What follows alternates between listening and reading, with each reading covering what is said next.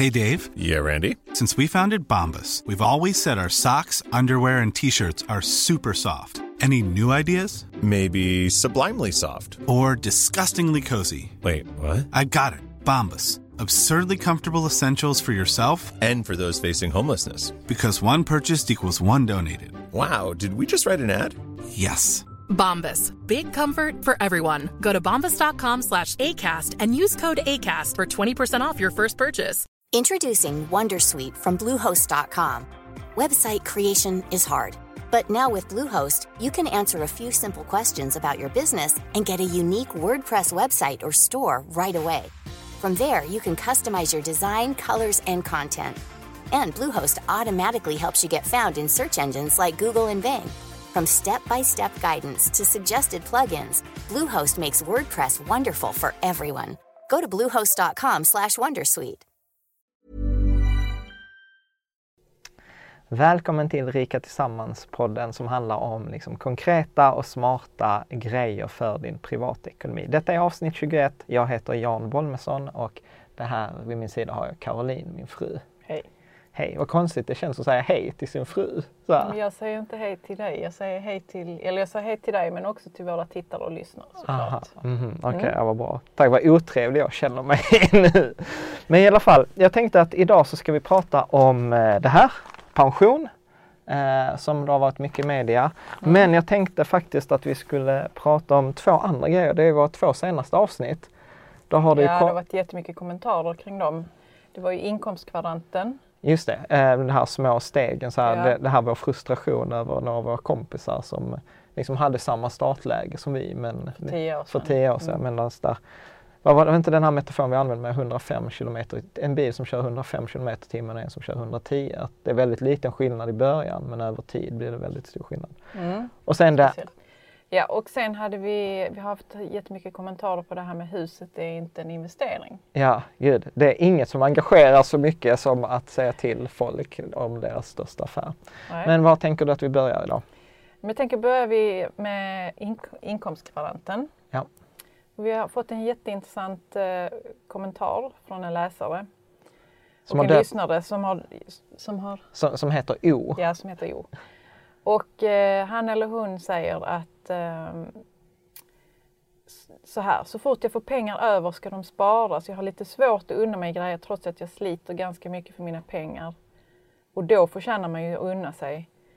Vill jag kanske exempelvis åka på resa så tänker jag det är bättre att spara. Mm. Och eh, vad tänker du kring det? För du, du nämnde att du hade den här alltså, liksom tvånget att spara nästan. Ja, alltså det är ju som, som, som vi pratade om i det här avsnittet så pratar vi ju då också om det här att man, man kan ju bli lite sparmongo, brukar jag säga. det, Liksom, för Mm. I att- denna konsumtionsvärld skulle jag vilja tillägga. Ja, ja, fast det var i inte det jag tänkte på utan jag tänkte väl snarare på det här att om man tittar på ränta, jag tror det var 8% ränta på 20 år så är det fem gånger pengarna. Så det vill säga om du har ett, eh, eh, ett belopp, kanske 1000 kronor och jag ska handla någonting för, eller jag använder ju mobiltelefonen som exempel. Jag Ja. köpte en ny mobiltelefon, den här nya iPhonen. Eh, som för övrigt inte var värd det, som någon annan kommenterade, de här 13 000 kronorna. Men, men poängen var att om man sparar de här 13, om jag istället för att köpa en ny iPhone hade sparat de här 13 000 kronorna i 20 år till 8 ränta så hade de varit värda fem gånger per 50 65 000. Eh, och sen så var det en annan eh, läsare, jag tror And- Andreas, som kommenterade att en annan av mina faktiskt favoritbloggar, Mr Money Mustache, han hade skrivit att eh, om du har en veckovis utgift, eh, till exempel på eh, 100 kronor, så över en tioårsperiod med ränta på ränta ackumulerat så är det 752 gånger pengarna. Så det vill säga eh, 100 kronor i veckan motsvarar eh, då över en tioårsperiod med ränta på ränta gånger 752, det vill säga 75 000. Och det, är så här, det blir, alltså det blir sådana enorma eh, summor. Mm. Lite idag och jättemycket imorgon. Jättemycket Mm. imorgon. Och jag tror att sum, alltså nu, nu är jag ju nördig här, men jag tror att en månadsutgift på 1000 kronor på 10 år ränta på ränta, då var det 172 gånger eh, pengarna. Men jag fattar att du känner dig nördig kring det och att du liksom att du vägleds av det på något vis. Ja. Men det finns, bara en parentes, det finns ju de som kanske skulle bli hjälpta av att tänka så. När de Precis. ska ut och spendera. Exakt, det är precis det som är min tanke. Att de flesta borde ju liksom så här, gud ska jag köpa den här, eh, liksom, jag vet inte, porslinstomten. Ifrågasätta sina liksom för, ja, men vet så här, typ Kosta-Boda. Du vet så här, fat tusen spänn. Eh, liksom idag. Och sen tänker man, okej men detta skulle ju kunna vara värt eh, fem gånger 5000 spänn över lång tid. Men grejen är att detta är- ju det som slår det eh, pendeln åt ena hållet och det är ju det som där läsaren O pratar om att detta blir ju liksom så att det tar över hela tiden. Eh, och att man kanske borde unna sig mer. Och här kan jag ju ibland känna att jag är ute på hal is. Eh, för att jag tror nämligen inte att lösningen att unna sig handlar eller att man kan lösa det problemet i den ekonomiska arenan. Utan jag har ju haft Moa som är då min coach sedan ja, många, många år tillbaka. Vi pratar en gång i månaden. Och det där är ju något som vi alltid återkommer så här, njut dig. Alltså så här, det handlar ju inte bara om att livet ska vara bra, för mitt liv är ju, eller vårt liv är ju fantastiskt på många sätt och vis. Och ändå ibland så känns det inte så. Utan att jag har ju pratat om det här innan, att jag är ju rädslodriven. Att min största, det var ju så här liksom en stor grej som jag skämdes för rätt länge. Att liksom så här, Sveriges största ekonomibloggare, du vet det enda han drivs av är sin rädsla. Det här att när min pappa gick bort när jag var 13 år gammal, visste inte om man kunde bo kvar i huset. Och så var jag så här, jag ska inte hamna i den här ekonomiska situationen igen. Så det har ju gjort att jag, jag sparar ju hela tiden för jag tänker så här, men tänk om det går åt helvete. Men någonstans med det där beteendet blir det ju att jag unnar mig inte så mycket grejer för att det blir hela tiden nya saker som kan gå åt helvete. Och man hittar ju bara på nya scenarier. Ja, det Liksom är klart. Mm. eh, kring det där. Att man har först är man så här, gud jag borde ha en buffert på 20 000. Sen kommer man upp till en buffert, fan det hade varit mycket bättre om jag hade en buffert på 50 000. Ja men nu bor vi i ett hus, nu borde man ha en buffert på 100 000. Var det inte Ann Wibble som sa att man skulle ha en årslön på banken? Alltså du vet, det tar ju aldrig Men slut. du säger att, att du, du och din coach har pratat om det, att, att detta är inte något man löser i den ekonomiska... Nej, utan detta behöver man ju lösa med självkänsla, alltså ett arbete med självkänsla. Mm. Att eh, liksom det handlar kanske inte om då att, som Moa säger till mig alltid, jag ska faktiskt bjuda in Moa till att vara med i ett sånt här poddavsnitt vid tillfälle. Men vad Moa säger alltid är så här att, jo men istället för att sätta ekonomiska mål, sätt ett mål känslomässigt. Hur vill du att det ska kännas? Liksom. Och jag tycker det är jätteskumt. Men, men jag tror, du bara skrattar åt mig. Ja, vad- men kan du ta ett exempel? Liksom? Ja, men jag, jag? Nej men att istället för att sätta så här, åh jag ska spara 100 000 så kanske sätta så här, men okej men hur, vilken känsla vill jag ha? Att kanske se att tryggheten ligger inte i pengarna utan tryggheten kanske ligger i förmågan att vi föddes inte med 100 000 utan vi har gått från 0 till 100 000. Att man kan hitta ett lugn där istället för att vara det här rädslodrivna. Sen tror jag också att detta unna sig handlar ju om att man behöver tycka att man är värd det. Det där, alltså om, om vi bara hoppar till ett helt annat område här i vår relation. Så är det ju det där som jag jobbar på från tid till. Jag fattar ju fortfarande inte varför du är gift med mig. och sen kan jag rationellt ibland tänka så här, ja men jag är ändå ganska framgångsrik, jag har en bra Ja, det karriär. är därför. Det är Ja. därför jag är gift med dig. Ja. Kommer ihåg när jag sa det till dig första gången du blev skitförbannad? Så här, jag är fan inte gift med dig för pengarnas skull. Liksom. Nej, men det, ja. det var ju lite tufft alltså. Ja, så att jag tror ju tyvärr att, liksom att det handlar om att börja titta, titta på det från ett energiperspektiv. Alltså Men får jag bara fråga dig, vad är det som händer med dig när du lägger undan de här pengarna? Hur känns det då? ja men det känns väl bra. För då tänker man så, här, gud nu har vi ytterligare en månads ekonomisk frihet. Jag Hur räknar, kändes det när du köpte telefonen? alltså det kändes ganska meningslöst, helt ärligt. Ja. Det var så här, det var ju roligt. Det, det roligaste var, alltså detta är också helt sjukt, det är kudos till Apple. Men det fantastiska så här, oh jag får lov att köpa deras nya telefon.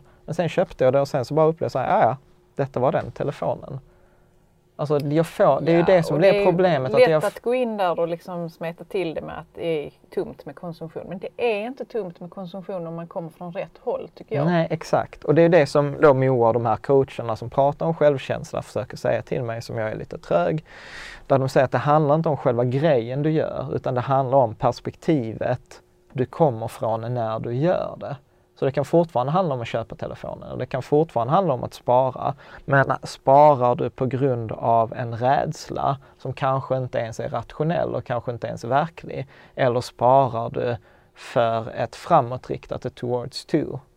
Mm, eh, exempel. Så att det handlar väldigt, det är därför jag menar att just det här handlar väldigt mycket om beteende.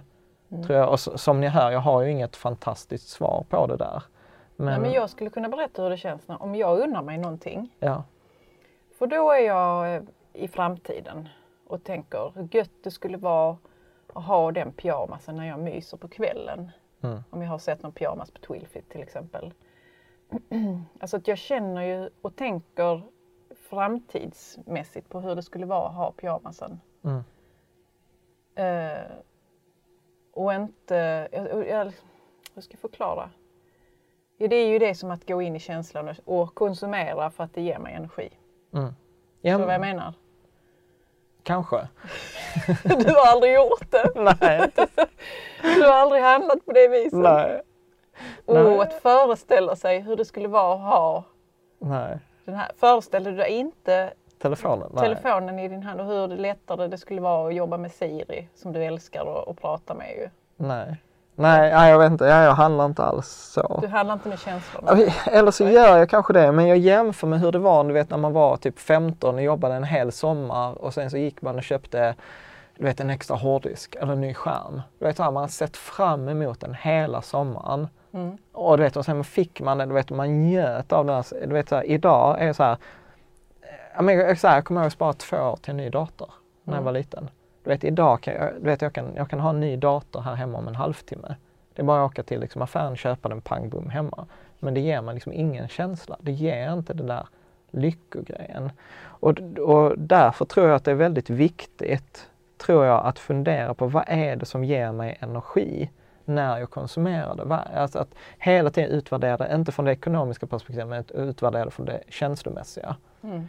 Eh, och, och, det är för oss som har liksom pengar, kommer från pengahållet, alltså som är duktiga att svara. En person som bara är, om jag ska överdriva, som du, att, ja. att det är en kant som bara, oh känslor, det kommer kännas så bra men inte har några pengar på sparkontot. Men, Den vi, finns, det finns, vi finns, det är många av oss, ja. kan jag säga. Mm. Ja, den personen borde ju snarare tänka så här, gud, du vet så här, detta är 752 gånger pengarna på, ja. på 10 år med ränta på ränta. Ja, ja absolut. Det har hindrat hand... mig från att handla grejer och, och jag har inte ångrat det i efterhand. Utan ja. jag har bara tänkt så vad skönt att jag inte köpte det där. Det var ju, hade ändå inte, ja. det hade ändå varit där, där var en annan läsare, Pelle, som mm. kommenterade det där briljant som jag bara tänkte, gud vad smart skrivet. Uh, han sa så här att det handlar om att skifta frågan från har jag råd med det här till behöver jag det här? Mm. Och jag skulle nog då vilja lägga till en så här, behöver jag det här men kommer detta göra mitt liv rikare? Inte rikare i pengamässigt men alltså som rikare som koncept. Kommer jag få bli glad, kommer jag ha energi, kommer detta bidra till mitt liv? Sen är det ju liksom vissa grejer som jag köper som jag älskar. Alltså jag har ju vissa tröjor och vissa kläder som jag alltid går med. Ja, den där orangea. Den där orangea klassikern eller mina fjällrävenbyxor. Uh, ja. Nej, så att jag, jag, tror, jag tror att man behöver angripa, jag tror man behöver angripa detta känslomässigt och jag tror att tyvärr så är ju många av eh, många av oss som är ekonominördar, vi har ju slagsida åt liksom så här Excel-hållet och njuter kanske inte så mycket. Vi har pengarna men vi njuter inte. Och sen finns det människor som njuter men de har fan inga pengar. Nej, för vi njuter hela tiden av dem. Ja, och då borde man kanske liksom kunna hitta, hitta den här eh, balansen. Mm. Men jag, jag, ska, jag ska ta hit eh, Moa vid ett tillfälle. Jag tror jag redan bokat in henne till någonstans i december. Så ska hon få prata. Ja, så om... du skulle nog kunna bjuda in flera olika aktörer hit. Ja, jag tror särskilt... Och, särskilt... och det kan ju bli en överraskning ja. för framtiden. Ja, precis. Ja. Bra. Sen ska vi prata om eh, eh, lite pensionen. Mm. Detta är ju, detta är det tycker jag är roligt. Du har plockat upp Aftonbladet. Ja, första gången jag har köpt Aftonbladet. Eh, i, från vilken dag var detta? Detta är från i fredags. Mm. Ja, eh, jag var på ICA. November. Jag var på ICA och så var rubriken för dig som lyssnar på det här och inte ser det i videon så blir det Så blir den nya pensionsåldern. Och detta är ju, alltså så här, jag, jag, tycker ju detta är spännande med pensionen. För att för folk dyker ju detta alltid upp som en överraskning. som blir så här, åh, du vet, åh, nu ska de förändra en pension. Och, och vissa tar det personligt. Ja, Mm. och jag tänker så här, pension är ju det som borde vara minst överraskning för folk. för att detta handlar ju om demografi. Alltså detta handlar ju om befolkningen i Sverige. Och det är ju liksom fakta, detta är inte att ha någon åsikt om. Fakta i Sverige är, vi blir äldre, alltså vi lever, vi lever längre, medellivslängden ökar.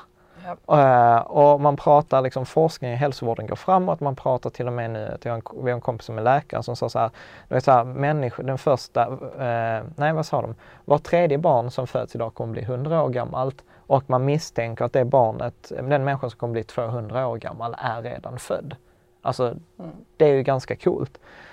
Men, och vi blir färre som arbetar eftersom vi får färre och färre barn liksom, Ja. i, i västvärlden. Så att, att, att vi liksom inte kan eh, ha det pensionssystemet som vi har haft kan ju inte vara någon överraskning. Och jag brukar ju berätta den historien att, jag tror det var 1913 när man införde pension i Sverige så var det revolutionerande, det var skitgrymt. Det var i slutet av industrialiseringen. Och då sa man så här, ja men eh, om du har jobbat i industrin i hela ditt år för det var tungt och skitigt eh, så, så betalar vi från, eh, när du går i pension så betalar vi alla dina utgifter. Då var pensionsåldern 67 Ja. om jag inte minns fel. Men grejen var så här att medellivslängden var 58. Så att detta var ett ganska riskfritt eh, liksom beslut från staten. Från 1913 till 2013 eller 2017 då har ju medellivslängden ökat från 58 till 83, 83,4 eller något sånt tror jag att det är. Eh, och, eh, och pensionsåldern har sänkts från 65. Grejen är egentligen har den sänkts från 60 till 61. Man kan idag gå i pension när man är 61. Ja, Så- om man har råd ja. Ja, om man Mm, har råd. Så precis. det, det säger ju sig självt, det där går inte ihop. Och det fattar ju politikerna också. Problemet är att om man säger så här, grattis eh, 61-åring, du fick 10 år till. Då händer det som hände i Grekland för många år sedan. Typ att man såg pensionärer, det är första gången jag har sett pensionärer på Rapport, eller eh, på gatorna som kastar gatsten liksom. Eh, så det funkar ju inte. Men, men sen så fattar ju, eh, som det står här i artikeln, att pensionssystemet bygger på ett förtroende. Och finns det då liksom inte pengar eh, så måste man ju helt enkelt höja pensionsåldern. Men grejen är att man kan inte göra det i ett stort slag utan man behöver liksom så här smyga in det. Och det är den här smygningen som liksom har pågått nu de så här senaste åtta åren. Att nu det som är nytt här nu är att hon, vad heter hon, Annika Strandhäll, Strandhall, vår minister. Hon har ju sagt att de kommer, utesluter inte att det fattas beslut innan nästa val. Och Och den nya pensionsåldern. på nya pensionsåldern och då ska den höjas från 61 till 63. Så man, man får inte lov att ta ut sin pension innan eh, 63. Så det är två års höjning. Och sen så ska man kunna jobba tills man är 67. Eh, alltså så här, man ska inte kunna få sparken på grund av åldern. Men grejen är att detta räcker inte. Utan Nej. man kommer ju behöva höja detta till över 70. Lugnt över 70. Ehm, för att liksom få ihop, eh, Vänta här nu, så att okej, vi medellivslängden är 83. jag tror det. Vi, ja. Jag Ja, mellan det ligger 80 där. mellan 80 jag tror och det 84, ligger där. För män och kvinnor är det några års skillnad, men det är Ja. nog. Mm. Och man ska jobba tills man, låt säga att man är 71. Ja. Då har man ju inte så många år. Nej. Så man kan liksom njuta Nej, nej och det är där... det- alltså jag bara tänker så, 10 år liksom, Ja. innan man dör. Ja men precis, det är därför jag säger så här, man behöver ju skaffa, liksom fixa pensionen nu. Alltså bygga en sån här pengamaskin. Eh, Så etc. varje individ behöver själv ta ansvar. Ja, det Mm. För definitivt. att man ska få fler år så man kan njuta. Ja, Ja. det, ja, ja definitivt. Och eh, där tänker jag eh, också några, några saker. Att i, i, nu, nu är det mycket så här fokus på inkomstpension, PPM. Men där vill jag verkligen så här, pass, alltså så här, passiv förvaltning på din PPM-pension. Håll inte på. Alltså så här, de, de, de passiva spararna, de som inte gjort något val, ligger alltid i alla undersökningar nästan bättre än alla de som gjort aktiva val. Så att, för jag får ofta frågan så här, så vad har du gjort i din pension? Och jag har sjunde AP-fonden, alltså det här standardvalet. Så jag har liksom aktivt valt att vara inaktiv. Så det har varit ett aktivt val att vara passiv. Och jag gillar den här sjunde AP-fonden eh, på grund av att den har belåning. Så för oss som är kanske 30, 20, 30, 40, kanske till och med uppemot 50, då är ju detta bra för aktiemarknaden går ju upp över tid och har du då dessutom 1,5 hävstång eller upp till 1,5 eh, gångers hävstång så blir det en väldigt bra, eh, bra investering. Så man behöver inte ha dåligt samvete om man inte har gjort något val utan ha den här soffa. Och sen dessutom, är man då lite äldre, för jag vet att det är en hel del äldre lyssnare också, så eh, skiftar den ner till att när man närmar sig pension så skiftar den över till räntefonder helt automatiskt. Så att det är Vem är väl det som sköter den? Sjunde AP-fonden, så det är en statlig, ett statligt fondbolag. Så de är det en av få gånger jag tycker så här, staten har gjort något riktigt, riktigt bra. Vill man jämföra sig, för jag vet ju att precis, eller jag, jag utgår från att andra gillar att jämföra sig själva också med andra. Och då finns det ju den Ja, här, den här tjänsten kollektiva där man kan jämföra sig med andra i sin eh, åldersgrupp. Det kostar ingenting man kan jämföra. Sen kommer de försöka sälja in att byt följ deras fonder och följ de bästa. Men då är man inne på det där med aktiv förvaltning igen och jag tror inte att aktiv förvaltning slår passiv förvaltning. Så man kan göra det mest för att se hur man ligger till men inte använda det som eh, eh direkt, som direkt rådgivning, eh, tänker jag. Vet du vad du har i din pension förresten? Du borde väl också ha Sjunde AP-fonden? Jag tror det, men jag har också gått efter kollektiva någon gång och bytt. Okej, Jag får nästan kolla det till nästa gång. ja, det får vara din uppgift till nästa gång. Men du, eh, bara en liten utvikning här på pensionen. De här Allra, Ja, man har ju läst mycket om det. Ja. Det skulle vara någon aktiv förvaltning väl, ja, ja, pengarna. ja. Men hur, kun, hur, vad, är, vad tror du har gjort att, man kan, att det kan komma in sådana skojare? Att, eh, att vi konsumenter inte är tillräckligt insatta. Ja. Att, eh, apropå men precis det som vi pratade om i början, att eh, folk fattar inte ränta på ränta. Eh, nu alltså har vi det- inte förklarat det här med Allra, men de var... Nej men det är de här som är bra, de snodde massa pengar från Ja. pensionsspararna genom att ha höga avgifter. Mm. Grejen är, nu- jag brukar hata om att förutse framtiden. Jag ska inte bli förvånad om de kommer bli friade. För För- att, Nej men för att att för lite... Nej men för att eh, folk brukar inte åka dit på ekobrott. Och eh, vad de har gjort är att de har haft höga avgifter på sina fonder och på det sättet har de mjölkat alla sparare. Men att ha höga avgifter och för en sparare att göra, man kan inte vara, man kan inte vara arg på någon annan för man har gjort en dålig investering. Nej, nej det Och- du menar det är inte olagligt att Nej, höga avgifter? Nej, utan det är vi konsumenter som måste, måste titta på de här höga avgifterna och fatta att 3% avgift eller liksom 1 avgift om året, det låter inte så jäkla mycket 1 det var en krona på en hundralapp. Ja, fast på ränta på ränta på 25 år, då blir den där ena procenten blir 30% av din vinst. Ja, det är helt sjukt. Alltså så, så att, eh, mm, ja, jag tror inte han kommer åka dit. Nej men det är det som är så konstigt också att i ekobrott så verkar det som de aldrig åker dit men de bara... Nej men det där, Eh, nu, nu har alltså vi... det Nu, handlar ju om mycket pengar ju. Ja, nu har vi verkligen spårat ut Ja, här. I, men, ut. men vi kan prata om det. Men det där är ju jätteintressant. Min egen tes, om man tittar på HQ-målet, eh, så handlar det ju om att de som blir anklagade för ekobrott har ofta väldigt mycket pengar själva. Mm. De är ofta väldigt insatta i det som har skett. Så man har liksom full koll på transaktionerna. Eh, och man har liksom, på det sättet har man ett informationsöverläge mot åklagaren. Och eftersom man ofta har pengar så kan man ofta anlita advokater som är, som är ganska liksom aggressiva. Mm. Och eftersom du har ett informationsövertag, du kan betala duktiga advokater, så är det väldigt, väldigt tufft för Ekobrottsmyndigheten. Och det är så här, varför ska du jobba som ekobrottsåklagare, kanske tjäna 40 000 i månaden, när du med samma kompetens kan jobba som försvarsadvokat i samma mål för 150 000 i månaden. Ja. Så att, att alla de här, så alla de här liksom Finansinspektionen och sånt, det är ju tyvärr inte eh, där de som är, är liksom bäst i sina områden hamnar. Om man inte har den där inre kompassen. Jag säger Mm. inte att de som är där är dåliga, Nej. verkligen inte. Inte. Men, Men att man, har någon övertygelse. man har en man övertygelse om att man vill göra rätt. Vill, ja. Och de är tyvärr färre än de som vill tjäna mycket pengar. Mm. Så därför tror jag att det är, det är Men svårt. du, jag ska bara säga en sak om det här Aftonbladet. Jag bläddrade i den i morse ja. när jag var uppe själv. Och eh, det var någon person som var med i Trusterhärvan. Ja, han För Joakim, sedan. Joakim Han har ju blivit, eh, Ja, han har blivit tagen nu. igen. Fast vad var de skulle låna? 117 miljoner. Ja men Ja, så här inte. ekobra, alltså du vet men det där tänker jag, ja, säg Ja. vad tänker du? Nej men jag tänkte så att när jag såg det så bara, men gud vad bra. Men det kanske bara är liksom jag Nej, men jag inte, det bara tror- kanske bara är skriverier som egentligen Nej inte men, leder jag, till så nej men mycket. jag tror så här, ingen rök utan eld. Men jag tror att, alltså så här, det är, alltså eftersom, eftersom vi, den generella svensken är inte så himla duktig på att ta hand om sina pengar.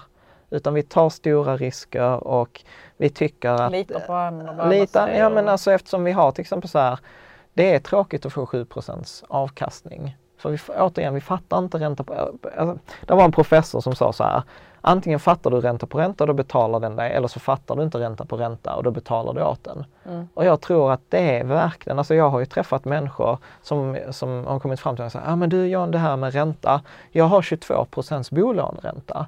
Och du vet jag var så här, 22 bolåneränta. Jag bara, du har blivit lurad. Jag tänkte så här, gud det måste vara så här, typ Bluestep, eller inte ens Bluestep har ju 22% ränta. Och så får jag så här, berätta, hur har du så här, och så säger, detta var ju några år sedan, så säger personen så här, ja men jag har ju ett lån på 4 och ett på 3,5 och ett på 5 och lägger jag ihop alla de lånen så har jag 22 du vet, Ja, du måste dela med Ja, antal lån och får du medel. Ja men du vet, jag var så här, var, var börjar man? Alltså så här, var börjar man prata med, med en sån person? Och, och det där tror jag är så vanligt. Jag kommer ihåg för några år sedan så hade, jag, hade vi en aktieklubb eh, med ett antal. Vet, vet, och jag skrev ju om den på, på nätet och du vet folk var till mig så här, du vet vad Jan, skicka ditt kontonummer så lägger jag in 100 000. Och, och pratar man då Allra-exemplet, det hade varit så enkelt att säga så här, jag tar emot dina 100 000, sorry Ja. investeringarna gick Ja. dåligt, vi har förlorat 50% här får du 50 000 och sen hade du kunnat behålla 50 000. Och det, Jag var menar att det är lätt att... det hade varit så lätt Mm. att lura människor och tyvärr så är det människor som ser detta som, eh, som lätta, lätta pengar. Eh, och, jag tror, och jag tror att det, om jag ska runda tillbaka till det här med ränta på ränta, så tror jag att det handlar om att säga att de flesta människor har kanske så här 10 000 eller så här 50 000 på kontot eh, i sitt Okej. sparande, i sin Ja. medianportfölj på, på Avanza. Det betyder att om de har säg 10% ränta så får de kanske då 5 000 spänn. Och så tänker de så här, 5 000 spänn, ja det var ju roligt men vad ska jag, 5 000 spänn förändrar inte mitt liv. Ja. Och så tänker man så här, ja men det är lite pengar. Särskilt om man börjar månadsspara med en tusenlapp i månaden. Då blir det bara några hundralappar. Och då har jag träffat många människor som säger så här, men vad spelar det för roll att, eh, att jag sparar, det blir 200 spänn på, på hela året. Om jag jobbar två timmar extra övertid så får jag ut mer pengar. Och jag sa, helt rätt. Men 5% eller de där 10 procenten, de funkar oavsett vilket belopp du har. Har du en miljon så är 10 då är det 100 000. Då är det plötsligt väldigt mycket pengar. Så att folk, jag tror att många gör misstaget att man fokuserar på absoluta kronorna och så har vi en relation till kronorna istället för att ha en relation till procenten.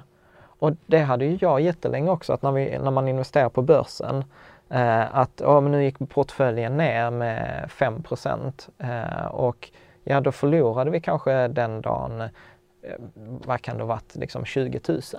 Eh, och då var man så här, gud, jag har lönt att jag gick till jobbet denna månaden för 20 000. var ju liksom, det var ju ja, men det var, det var hela månadslönen ju. Mm. Eller hur? Mm.